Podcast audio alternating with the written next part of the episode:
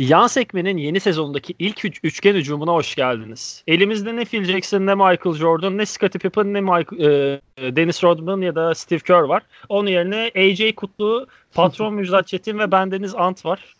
Malum futbol başladı. Yani Almanya olduğunda genelde ben yayına katılmazdım. Hani o kadar da çok sallamadığım bir e, ligde Union Berlin'imiz hariç. Ama, Ama Bundesliga 2'yi bile yaklaşık 200 milyon insan izledikten sonra dedim ben de buna katılırım. Beyler hoş geldiniz. Hoş bulduk. Çok güzel. Yurttan Sesler Korosu olacağız bugün. Sırayla mı deseydim acaba sen hoş geldin, sen hoş geldin diye. Yok yok işin şakası bir yana. Ee, Bundesliga 2'de 200 milyon insan Heidenheim, Bochum maç, Bochum ya da ne bileyim Karlsruhe, Darmstadt maçı izledi ama bence Augsburg onlardan daha da vasat bir takım. Bir Augsburg'u gömmeden başlamayalım. Çünkü ben Augsburg'un maçını Bundesliga 2 sandığım için kaçırdım. Augsburg'u sana yedirmem kardeşim. Augsburg düşmeyecek. Bu kadar basit. Augsburg ne yapacak? Ne edecek? Düşmeyecek. Bu kadar. Yani abi sevgili Bundesliga grubumuz AJ Kutlu da biraz da bana destek çıksın da. Ya abi Augsburg düşmeyecek diyecek ne yaşadın ki sen hayatın boyunca ya? Yani Augsburg'da kim var? Babam mı var? Amcan maç izlemeye mi gitti? Hissen mi var? Augsburg sana ne abi Augsburg düşecek? Net abi, düşecek. O, bir bak abi, abi bir izle bak. Abi bu Augsburg denen takım ben kendimi bildim bile 2010 ya da 2011'de mi ne bir yükseldiler. Düşemedi pezemekler bir daha. Bundesliga'da şöyle bir durum var bence. Ya hiç fark ettiniz mi bilmiyorum. Şöyle bir alt sıralarda böyle hani 18 takım var ya Bundesliga'da. İşte atıyorum 12. sıraya düştüğü zaman bir takım girdap gibi böyle kolay kolay oradan çıkamıyor seneler boyunca. Böyle yavaş yavaş aşağı iniyorlar böyle. Yavaş yavaş Hamburg düştü düştü düştü. Diplerde dolandı en sonunda zar zor düştü. Stuttgart düştü düştü oralarda dolandı en sonunda yine düştü. Bremen. Şöyle, Bremen aynı şekilde Bremen bir zahmet düşecek. Umarım bir zahmet düşecek. Yani hak etmiyorlar Bundesliga'da kalmayı. Geleceğiz oraya. Yani bir de bir de Köln, bir de Köln var abi. Köln en manyak takım. Köln diyor ki ben bu girdapla uğraşamam abi. Ya çıkarım ya düşerim diye. Ya 18 yani. ya 10. Ya 18 ya 10. Böyle kafada bir Köln. Bu sene kalırlar bence bu arada. Ya ben, bu Augsburg'da yavaş yavaş düşecek. Ben Paderborn'da Bremen'i direkt gönderiyorum. O Augsburg'da playoff'ta gider diyorum. Artı bir. Aynen öyle. O zaman senin artı birinden alıp biraz e, konuklarımızı yor, konuğumu yorayım diyorum. Aynen. Yor abi e, derbilerin anası olan Ruhr derbisi yaşandı bu hafta sonu. Ben maalesef para verdiğim yayını kaçaktan izlediğim için tamamına hakim değilim maçın. Sonradan izleyebildim. O kadar berbat bir altyapı var ki çalışan arkadaşlarıma da söyledim. Müjdat biliyor detayını. Neyse buraya giremeyeceğim çünkü yayını küfürlü içeriye çevirmeyeyim. Ya velhasıl kelam e, Dortmund bir düşüş, bir inişli çıkışlı bir sezon geçiriyor. Sen de bunu biliyorsun. Lucien Favre sezonun ortasında gitme noktasına geldi. Bir şekilde hayatta kaldı. Erling Haaland resmen hayatında eşinden sonra ona en çok iyilik yapan insan olabilir. ya şöyle söyleyeyim. E, Dortmund'un Schalke'ye karşı bu güçlü oyununda önce Dortmund tarafından bir istersen al. Bir de onun haricinde David Wagner'in Jurgen Klopp'un oyununu sahaya yansıtmaya çalıştığı halde eldeki yetersiz veriden dolayı, yetersiz içerikten dolayı bunu sonuca yansıtamayıp yanlış bilmiyorsam 2020'de ya 3 gol attılar ya 4 gol. Onu e, kontrol etmek lazım. Dortmund'un güçlü başlangıcı ve oyunundan alıp bir de Schalke'nin eksik yanlarını bize aktarabilir misin? Neden sonuca gidemiyorlar? Ya şöyle bir şey var. Şimdi Dortmund'dan başlayacağız ya direkt olarak. Şunu belirtmekte fayda var. Şimdi Haaland'ın zaten hani FM'de alırsın ya bir tane for bitiriliciye 16-17 falan pasa gol atar. Yani Favre sanki bir tane forvet bulmuş topu ona gönderin o bir şekilde atar kafasını. Biz ben bunu şöyle düşünüyorum. Haaland'ın genel olarak ceza sahası çevresindeki bitiriciliği yani oyun aklı vesaire o kadar yüksek ki tek yap- yaptığı şey Dortmund'un yani ya da yapması gereken belki de tamam çocuğu topla buluşturun o bir şekilde döner vücudunu kullanır ne bileyim topu şuradan çeker burada pozisyon alır golünü atar kafasında ama özellikle bu maçta hani ara verildikten sonra tabii ki hani elimizdeki veriler şu anlamda biraz daha düşük. Hani nasıl antrenman yaptılar, nasıl geri döndüler, oyuncular kendileri nasıl formda tuttu, kulüp hangi kafadaydı, hangi mentalitedeydi bunu bilmiyoruz tabii ki Bundesliga takımlarında ama Dortmund sanki çok çok iyi hazırlanmış geri dönüşe öyle gözüküyor. Çünkü çok başarılı bir taktik var sahada. Ee, 3-1-4-2 ile oynadılar. Ee, Bekler Guerrero ile Hakimi gerçekten hani Dinamo gibi hani box to box orta saha oyuncuları olur ya. Bu iki arkadaş gerçekten e, otoban yaptılar her tarafı. İleri geri her şekilde gittiler. Hem defansa çok başarılılardı. Hem Haaland'ı çok iyi beslediler. Özellikle Guerrero çok çok başarılı bir oyuncu ve inanılmaz underrated bir e, futbolcu. Yani sadece sol bek de değil adam. Defansif orta saha oynar. E, orta saha oynar. Sol kanat oynar. Sol açık oynar. Her şey oynayabilir bu, bu adam ve bu maçta çok çok büyük fark yarattı. Torgen Hazard, Julian Brandt ikilisi zaten Haaland'ı e, hücumda inanılmaz destekledi. Ve ben şöyle bir şey gördüm. Tabii ki bu tek bir maç. Çok kolay hani konuşamayız e, Sancho'nun gidip gitmemesi nasıl efektinin olacağını ama hani sanki Sancho'yu biz 80'e 90'a 100'e satsak da bir şekilde kurtarırız gibi gösterdi bana Dortmund. Tabii ki şampiyonla oynayamazlar. Çünkü orada bir Bayern gerçeği var her zaman olduğu gibi. Ama e, en azından ne kadar başarılı olduğunu gösterdi bu e, Lucien Favre'ın 3-1-4-2'si ya da Haaland üzerinden Haaland odaklı oynanılan e, futbol. Abi Schalke'ye gelelim. Schalke'de David Wagner demiş ki ya bak şimdi biz Dortmund'da oynuyoruz. Normalde buradaki taraftarlar bizi mahveder. Ee, ama taraftar yok. Öyle bir baskı da olmayacak. Biz bir biraz daha farklı bir şey deneyelim demiş ve 3-4-3 denedi.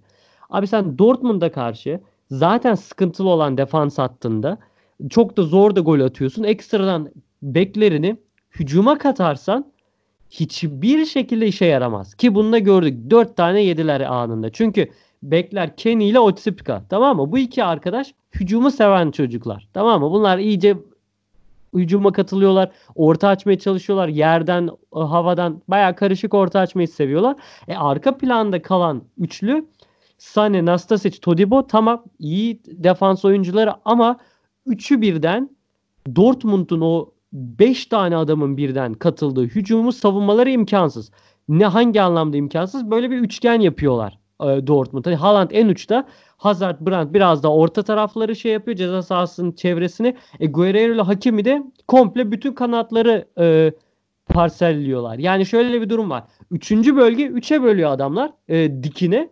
Ve öyle gol bulmaya çalışıyorlar Dortmund. E sen zaten 3 adamla arkayı savunursan Kenny ile Otsipka geri gelemeyecek. E kaldınız öyle. E yediniz 4 tane golü. E ne oldu David Wagner? Sen ne kafadasın? Yani çok saçma kararlar verdi. İnanılmaz saçma sapan bir e, Schalke izledik bence. Zaten gol de atamıyorlar. Onu da çözmeleri imkansız. İşleri çok zor geri kalan e, sezonda bence. Anladım. Teşekkür ediyorum. Buradan bir diğer maça geçeceğim. Bu e, daha sonra şöyle kronolojik olarak geçmeyeceğimizi dinleyicilere belirteyim çünkü açılış aslında kronolojikti. Buradan haftanın en önemli ikinci maçı olan Union Bayern. Union Berlin'le ilgili e, bir sempati duymam veya bir bağım olmasından ziyade sezon başında daha ilk maçlar oynanmadan önce baktığımızda kadrolara Paderborn'un düşme ihtimaline kesin gözüyle bakılıyordu neredeyse. Ki hani ben de buna çok uzak değildim her ne kadar dile getirmesem de. Ama sezon ilerledikçe takım bir ritim, bir tempo buldu ve gerçekten güçlü bir savunma ve güçlü bir hani aslında yetersiz görünen bir savunma, iyi bir kenetlenme, iyi bir takım olma durumu ve bunun kontraya hızlı yansımasını gördük. Nitekim bazı takımlar Bayern Münih gibi takımlara karşı bunda sorunlar yaşadılar ki Allianz'daki maç fena değildi. Ama bu hafta sonu çok halı saha hataları yapmasalar bir sürprizle başlayacaktı belki hafta sonu. Nasıl bir ilerleyecekti? Sen Union Berlin'in Bayern'e karşı mücadelesini nasıl değerlendirirsin? Bayern'in nasıl bir e, sezon ilerleyişinde gitmesi gerektiğini düşünüyorsun? Abi şöyle başlayayım o zaman. Ee, Union Berlin hakikaten dediğin gibi işte güçlü bir savunma hattı kurdu ve kontra ataklarla ilerlemeye çalışıyor. Zaten e, maçta da plan buydu ve e, birkaç tane de denediler ve başarısız oldu. Yani o yer kurtardı dışarı çıktı vesaire. Yani Antonio Ujal'ı e, kontra silah olarak başarılı bir, şey, bir şekilde kullanmaya başlamışlardı ama e, sonuca ulaşmadı. Ve sonrasında sonuca ulaşmayınca da Bayern topu bir şekilde aldı ve e, kaleyi dövmeye başladı. Yani o savunma kalesini dövmeye başladı ve en sonunda da bir şekilde kırdılar abi. Çünkü Bayern'in zaten e, agresif bir ofansif oyunu vardır ya her zaman. E, onu tekrar göstermeye başladı Hansi Flick ve yani ne kadar eleştirdiğim noktaları da olduysa bu süreç içerisinde ve yani bu eleştirdiğim noktaların hepsini silmeye başladılar ve başarıya ulaşıyor bu oyun şu ara. Ve yani e, Bayern Münih böyle devam edecek gibi görünüyor. Yani maalesef şampiyon olacaklar yine.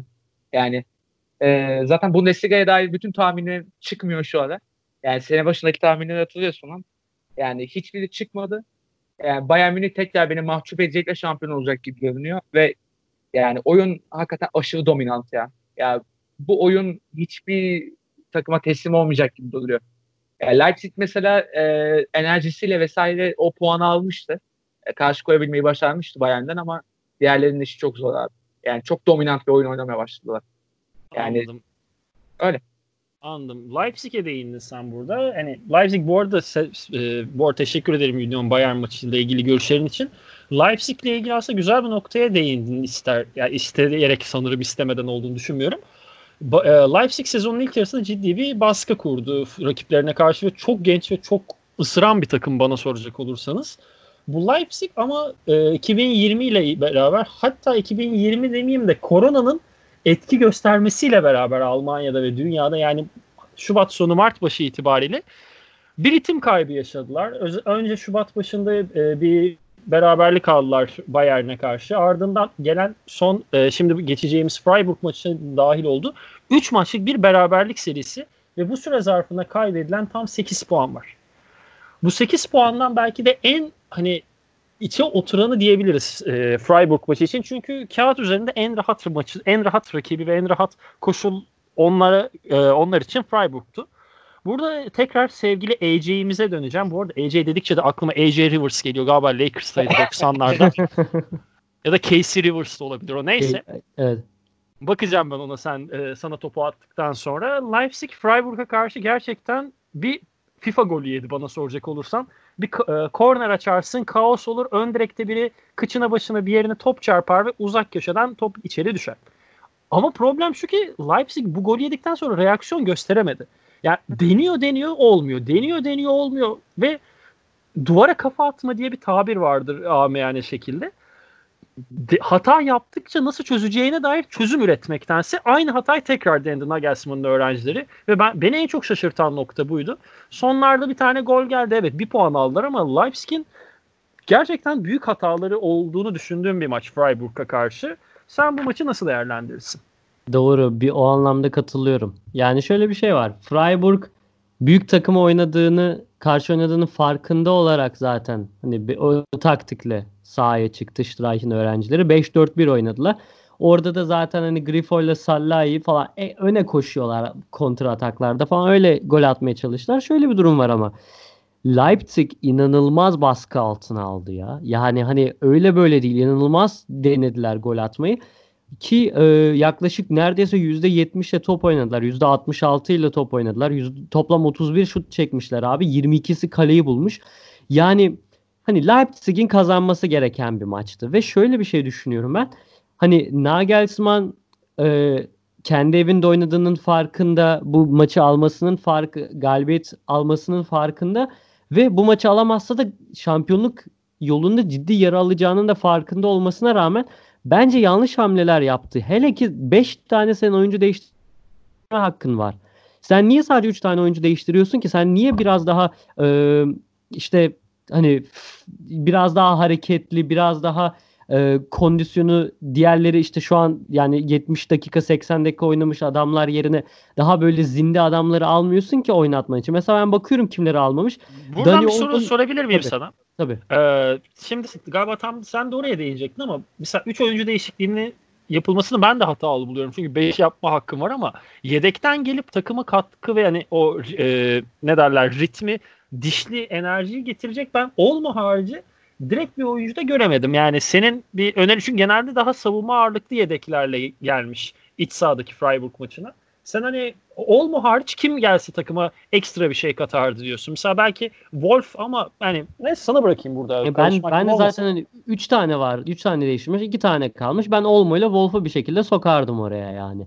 Yani şu anlamda mesela hani e, forvetleri orada bırakıp Olmo'yu öne atıp e, belki kanatsız bir şey deneyebilirdi. E, Laimer'i çıkarıp mesela e, Wolf'u alabilirdi. Çünkü Wolf daha önde oynayan bir oyuncu. Yani 10 numara e, rolünde oynuyor. Yani son dakikalarda zaten hani ha bir, ha bir puan almışsın ha hiç, hiç puan alamamışsın. Neredeyse hani teknik olarak e, aynı olduğu için ve son dakikalarda inanılmaz gol, gol aradığın için Ben Nagelsmann olsaydım inanılmaz büyük bir risk alırdım ve e, gol bulmaya çalışırdım. Çünkü zaten atamıyorsun golü. Belki kilidi çözecek bir oyuncu var yedekte. E ben genel olarak hani şöyle bir kafadayım psikolojik anlamda da. Hani eğer belli bir şeyi değiştirme şansın varsa ve onu yapacak da imkanın varsa teknik olarak onu kullanırım ben ya da yaparım. Ya da işte yani Nagelsmann da o yüzden tamam hani takım iyi oynuyor bir şekilde gol arıyorlar ama dediğin gibi hani yaptığı şey hani işte duvara yumruk atmak. E delemiyorsun abi. Başka bir şey dene. Belki değiştireceğin oyuncu bir şekilde gol bulacak. O yüzden ben orada yanlış bir hamle yaptı. Yani yanlış hamlelerde bulunmadığını nasıl söyleyeyim öyle demeyeyim de işte 3 tane adam değiştirmiş 2 tanesini koymamış. Keşke bir hamle yapsaydı yanlış mı doğru mu diye görseydik. Ben, ya öyle söyleyebilirim. Ee, bir de şunu söyleyeceğim. Sonuçta Leipzig Şampiyonlar Ligi'nde yoluna devam ediyor. Değil mi? Şampiyonlar Ligi'nde de ne olacağı belli değil. Ee, kiminle eşleşeceği belli değil. Belki e, yani fokusunu oraya kaydıracak Nagelsmann da aynı zamanda. Ama e, inanılmaz değerli bir puan kaybetti Freiburg karşısına ve birden e, dördüncü sıraya düştüler. Yani Dortmund'la aradaki puan farkı 3 oldu. Bayern Münih'le 7. Gladbach önlerine geçti. Yani sıkıntılı zamanlar yaşayabilir Leipzig eğer e, fikstürde yoğunlaşırsa. Ee, dediğine katılıyorum. Bence bu hafta biraz bir nefes alma şansları olacak çünkü Mainz deplasmanı. Evet. Hani bir beyler bir sakin şuradan bir iki üç tane atıp geçiyoruz ki yanlış hatırlıyorsam lütfen düzeltin ama ilk maçı 8-0 aldılar diye aklımda kalmış. Hafızam beni yanıltmıyorsa eğer. Mainz evet doğru doğru. Yani e, Leipzig bence bu hafta bir ne yapabileceğini biraz da e, deneylerle beraber bir görecektir Mainz'a karşı. Oradan sonra bir ritim belki yakalarlar ama evet dediklerinde katılıyorum.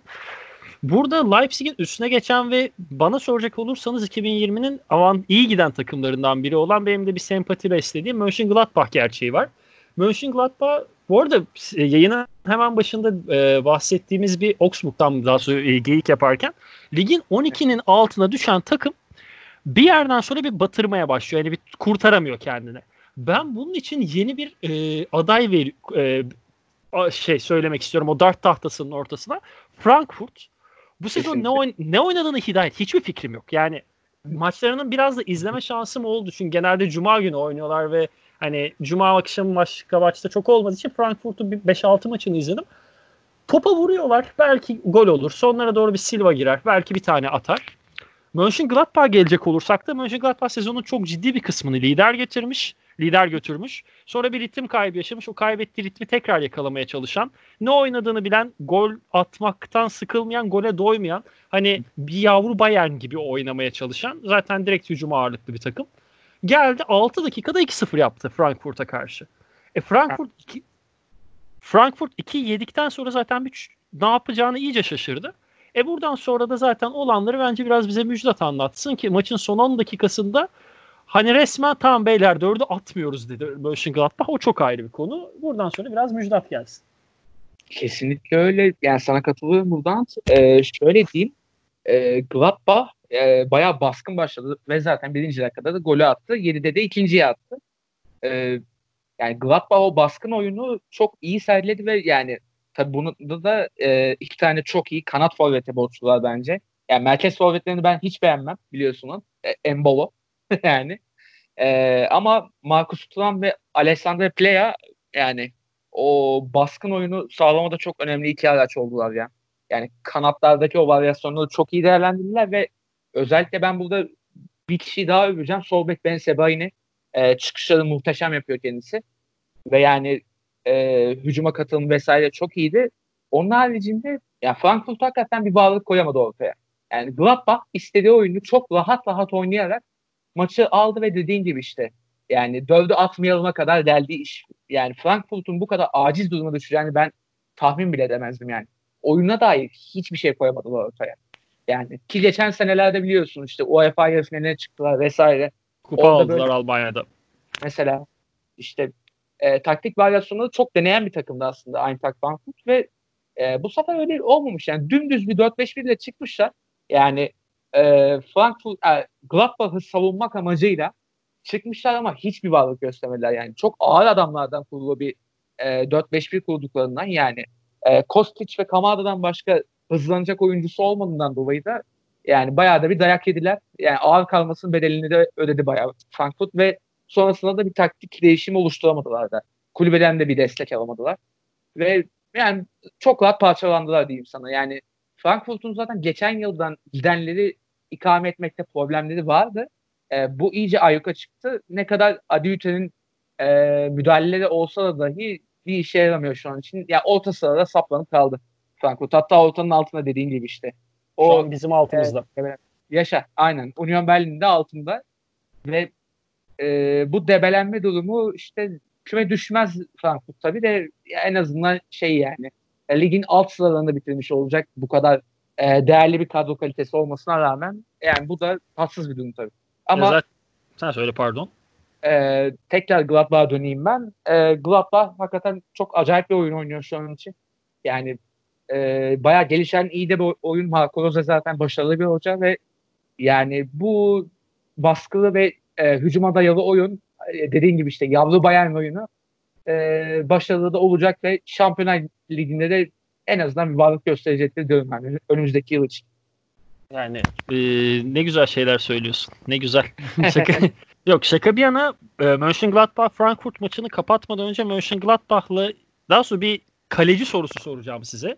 Hı hı. E, malum Jans Sommer benim e, Müjdat bilir Almanya Bundesliga'da en beğendiğim iki kaleciden biri. Yani zaten birini o yer. Bence dünyanın en iyi kalecisi desek yalan olmaz en azından son 10 yılda. Jan Zomer'in e, bu fark ed- underrated diyeceğim. Yani katılırsınız katılmazsınız bilmiyorum ama sürekli insanlarda özellikle e, Borussia Dortmund'un kalecisi Roman Bürki'nin de İsviçreli olmasıyla beraber ki Jan Zomer İsviçre'nin birinci kalecisi.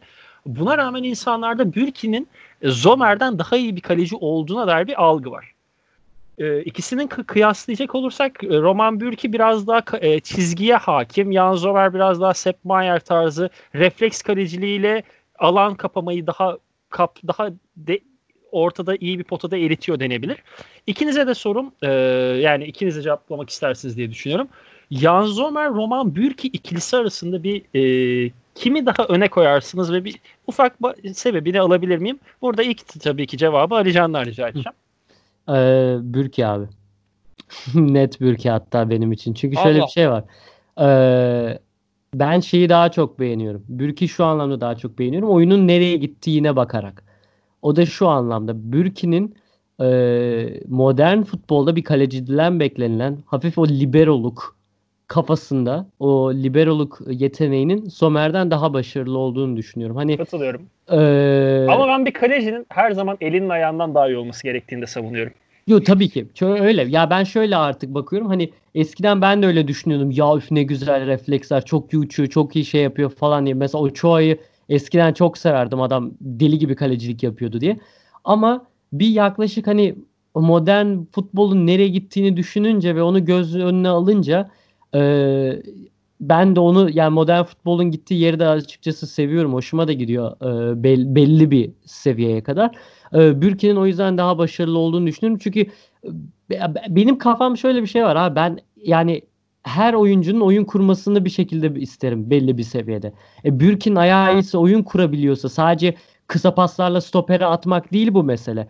İşte boşluğu görüp zekasını kullanıp da işte atıyorum adamı kanatlardan kaçırmak. İşte Halan mesela e, kendisini iyi pozisyon almışsa ve arkasına aldığı e, defans oyuncusundan ya da rakip oyuncudan daha güçlüyse mesela onu görmesi ve onu paylaşması. Hani şöyle söyleyeyim kendi yarı sahasından pas verebilen hafif bir point guard kafasında adamı görmek benim çok hoşuma gidiyor kaleci olarak. Bürki bunu Somer'den daha iyi yapıyor. O yüzden ben Bürki diyorum. Anladım. Ben onu dediklerine katılmakla beraber şunu da söyleyeceğim. Ben Roman Bürki'nin dediklerinde haklı olsam da o kadar da iyi bir ayağı olduğunu düşünmüyorum ama evet. Roman Bürki biraz şey geliyor hani nasıl söyleyeyim oyuna bir etkisi var ama getirdiği götürdüğünden daha az. Ben bunu düşünüyorum. Müjdat sana gelelim. Ee, ben burada e, Ant'a katılacağım. Çünkü yani ayağı iyi bir kaleci hakikaten Bürki o şüphesiz. E, ve yani Jan Sommer'den iyi en azından. O doğru. Ama e, Sommer'in hakikaten götürdüğü yani getirdiği kaleci refleksleri ve yani o e, kalede verdiği güven bence Bülki'den daha fazla. Çünkü kurtarışlar açısından Sommer daha önde. Ve ama e, şöyle bir durum var. Yani Bülki'nin hakikaten kurtarış konusunda çok büyük problemleri var. O yüzden ne kadar ayağı iyi olsa da Jan Sommer mesela e, bu e, oyun kurma meziyeti açısından geride kalsa da ve bu yüzden de bir üst level'a çıkamayacak da olsa ben kalede verdiği güven açısından Sommer'i koyarım. Yani Bülki bence çok e, Dortmund seviyesinin altında bir kaleci yani. Ben onu da düşünüyorum bu arada. Ve yani Normalde şunu söylerim de Dortmund seviyesi nedir diye gireceğim de boşuna linçlenmek istemiyorum. Devam etsem. Dortmund seviyesi bence yüksek bir seviye. yani Şöyle söyleyeyim. eee, A'dan F'e kadar A plus F arası bir puanlama sistemi versem B, eksi- B artı derim. B, B plus'tır Dortmund bana göre de devam etsem. Yani o Evet. kadar d- eee, takımın farklı bir havası olduğu için çok ekstra görünüyor da o kadar ekstra bir takım değil. Onu da, onu da her yayında dile getirmeye çalışıyorum. doğru doğru doğru. Haklısın bu arada. B plus bir A minus bence ya. O da güzel bakış açısı. Yani tribünü A, A plus'a gider ama oyun o değil. Yani o oyun Hı. kesinlikle o değil. Yani bu sene Paderborn maçını izledim Dortmund'un. Gerçekten yani e, tatsızdı. Öyle söyleyeyim. Neyse devam etsen son maça bağlayacağım ben de bu birazdan. Eyvallah. Ee, B plus da diyebilirsin. Doğru da yani doğru da denebilir ama yine de ona rağmen yani Dortmund'un genel kadrosuna ve e, genel işleyişine de baktığında yani kadronun e, bir, le- bir iki level aşağısında kalıyor büyük. Ne kadar oyun kurmada başarılı da olsa işte e, eksik yönleri çok fazla ve bir iki level aşağısında kalıyor mesela. Yani Barcelona'nın Victor Valdez'i gibi. Kısa şunu belirteceğim ben. Özür dilerim. Aynen. Şöyle bir şey belirtmek istiyorum ben. Hani Sommer bence inanılmaz underrated bir kaleci. Belki dünyanın en underrated kalecilerinden birisi. Top top 3'tedir yani net. Ona ben de %100 katılıyorum. Ee, bu arada pas yeteneği de Sommer'in inanılmaz daha kötü değil Bürki'den. Bence gayet de yakınlar, benzerler. Ee, Bürki bence bir tık daha önde o konuda. Bir de Bürki'nin şey Sommer'in şöyle bir eksisi de var. Bir tık kısa sanki. Bir tık kısa. Hemen hemen bakıyorum. Siz devam edin konuşmaya. En sevdiğim şey yayın içi araştırma yapmak. Aynen bir tık daha kısa Somer diye biliyorum. Yani hatta 1.83 Yan Somer. Kıs- Aynen. Kesinlikle kısadır. Kesinlikle yani kısadır. kaleci için hani özellikle günümüzde hani 2010'lardan itibaren futbolda yani Gürki de kısa. 1.88. Aynen. Aynen. Yani İkisi de Volkan Demirel'den kısa. tabii. bir volkan değil. Hiçbirisi bir volkan değil lütfen. Ama e, şöyle bir durum var. Sanki yan toplarda da e, yani Bürki'nin Dortmund'a uyduğu ya tam uyuyor bence Bürki. Yani Sommer mesela hani bir soru işareti yaratabilir e, Dortmund'da ama Bürki'nin genel olarak stili Dortmund'a uyuyor bence ya. Yani A eksi bir takıma hani B artı bir kaleci. Ben öyle düşünüyorum. Bürki'nin hani çok çok aşırı da bir kaleci değil. Hani Bürki B artıysa Sommer B'dir mesela. Hani o anlamda. Anladım. Ama bence İzin- yüksek olması lazım Dortmund seviyesi için. abi. Yani ben Bülki'yi yetersiz görüyorum bu konuda. Yani şöyle diyeyim size e, ya kaleci hakikaten önemli bir kavram bir takımın böyle başarıya ilerlemesinde ve e, Bülki'nin de bence şey yani acilen Dortmund'dan gitmesi lazım. Ben Bülki'yi hiç sevmiyorum.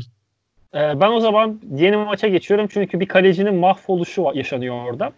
Aha. Yani izninizle. Ee, Werder Bremen iki, ya 2019-2020 Bundesliga özetler dahil izlediğim en berbat iki savunma maçından birini izledim Leverkusen'e karşı. Hayatımda hiç bu kadar hiç bak orada hat, o arka e, geri hattaki dört oyuncunun dördünün de istisnasız maçın her dakikasında mutlaka birinin yanlış mevkide durduğu bir maç izlemedim. Kesinlikle. bak Kai Havertz ya hepimiz biliyoruz. Ben canlı izleme şansına da eriştim birkaç ay önce korona patlamadan önce Berlin'de. Vay be. O kadar kafa oyuncusu değil ya.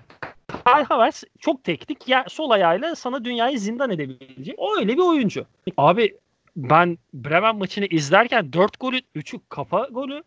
Evet. 3'ü %100 savunma hatası ki zaten Kai Havertz'in gollerinde birinde o ilk gol o kadar büyük savunma hatası ki adam savunma hatasını golü yedikten sonra Havertz'i sakatlayarak kurtarmaya çalışıyor. Havertz fark ettiyseniz gol sevincinde bir sırtını tutuyor, sevinemiyor Evet, bile. evet. Ee, ona söylemek istiyorum. Bremen'in bu kadar berbat bir savunma takımı olarak ligde kalma şansına ben yani ligden düşmesine bahis oynamayı düşünüyorum. O kadar net söyleyeyim size. Berbat bir takım. Evet. kötü bile değil savunma olarak. Hücumuna dair bir şey demeyeceğim çünkü bir hat o kadar kötüyken gerisi bence konuşulmaz. Leverkusen'de 4-1'lik bir galibiyet aldı ama 4-1'lik bir maç oynamadı. Bunu da söyleyeyim biraz göz boyayan bir skor. Bu arada Leverkusen'in yediği gol de berbat bir savunma hatası. Ona da girmeyeceğim. Hmm. Önce e, Müjdat'a ardından Alican'a ikinize bırakıyorum bu maçı tartışmayı. Ee, hatta şöyle yapalım. Ee, Müjdat sen Bremen'in savunma hatalarından ve Bremen'in düşüşünden bir kendi sene başındaki Şampiyonlar Ligi tahmininden onu sana bırakacağım o zevki tatmayı. Alican senden de Leverkusen'in e, sonucun bu kadar sert olmasına rağmen ben böyle olduğunu düşünmüyorum. Belki sen daha farklı düşünüyorsundur ama Leverkusen'in oyununun sık, e, tabelada olan oyun olmadığına dair ya da senin görüşlerini dinlemek isterim. Yani Müjdat Bremen, e, Leverkusen'de Alican şeklinde hep yayını kapatacağız. Tamamdır. Yani şöyle başlayayım ben. E, ben sene başında Bremen için tahmin yaparken e, güzel bir kadro kurdular. E, iyi bir harmoni yakaladılar. Sadece eksilen Max Kruza'ydı ve yani onun da yerini tamamlarlar farklı bir taktikle devam ederler diye düşündüm. Ama o kadar bir dağıldılar ki yani ben e, önünü alamadık. Şey vardı ya Lost bozdu. Bozdu, bozdu, bozdu, bozdu önünü alamadık. Onun gibi oldu. Yani ben bu kadarını tahmin, tahayyül edemezdim yani. E, dedim Şampiyonlar en azından kapışırlar. E, geçen seneki çıkışları güzeldi vesaire. E, bu yüzden böyle bir e, sürpriz tahmin yaptım ki Premier Lig'de Leicester'a yaptım. O en azından bir nebze tuttuğu gibi görünüyor. Ama e, burada perperişan oldum. Ve şöyle bir durum yani hakikaten ben de maçı izledim ve yani Allah belasını versin böyle savunmanın. Ya bu kadar yani dört tane kava nasıl bir yere toplamışlar böyle bir savunma çıkmış ortaya gibi bir savunma. Yani e, Werder Bremen'in işi çok yani çok çok çok zor yani yüzde seksen düşecekler gibi görünüyor ve yani e, ya o takımı kuran hocaya da Allah'tan sabır diliyorum yani bu kadar dört tane beş benzemez savunmacıyı toplamak hakikaten büyük iş. Yani Ant'ın da dediği, dediği gibi bu kadar savunma varyansiyonsuz, perperişan bir hat görmedim. Ya bir de Pavlenka'ya rağmen 4 burada yani ki ne kadar da kurtarışları falan da vardı.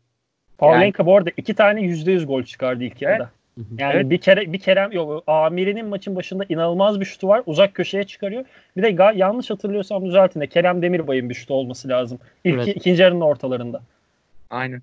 Yani buna rağmen yani bu kadar yani böyle iyi bir kalecinin olmasına rağmen böyle perişan oluyorsan zaten artık sen yavaştan düşmeyi hak ediyorsun yani. Orada Pavlenka'ya yazık diyorum ben. Başka bir şey demiyorum. Bir de Raşika'ya yazık yani. Pavlenka iyi bir transfer alır diye ben ya ben hatta şöyle söyleyeyim ben Pavlenka'nın Bundesliga'da üst seviye bir yere geleceğini düşünüyorum sezon sonunda.